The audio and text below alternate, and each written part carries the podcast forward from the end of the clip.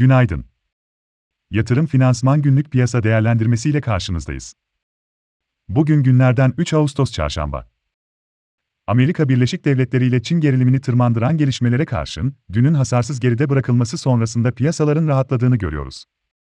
Buradaki stres devam edebilir, ancak dünkü gerginliğini geride bırakan Amerika Birleşik Devletleri vadelileri ve Asya borsaları bu sabah genel olarak pozitif bölgede.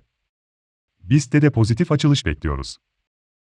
Tayvan gerginliği nedeniyle stresli geçen bir günde bile para girişi devam eden BIST'te yükseliş trendinin devamını bekliyoruz.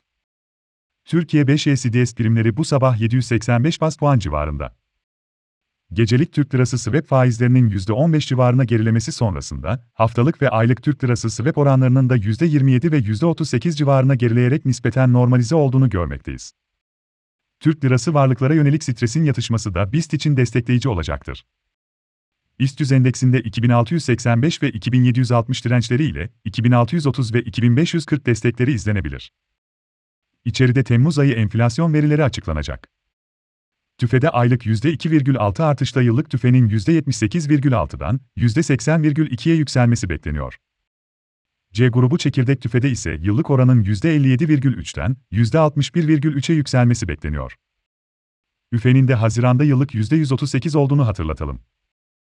Dışarıda Almanya Hizmet PMI, Euro bölgesi Hizmet PMI, üfe ve perakende satışlar ile Amerika Birleşik Devletleri Hizmet PMI, fabrika siparişleri, dayanıklı mal siparişleri ve ICM hizmet endeksi takip edilecek.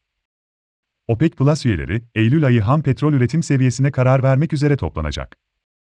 Yatırım finansman olarak bol kazançlı bir gün dileriz.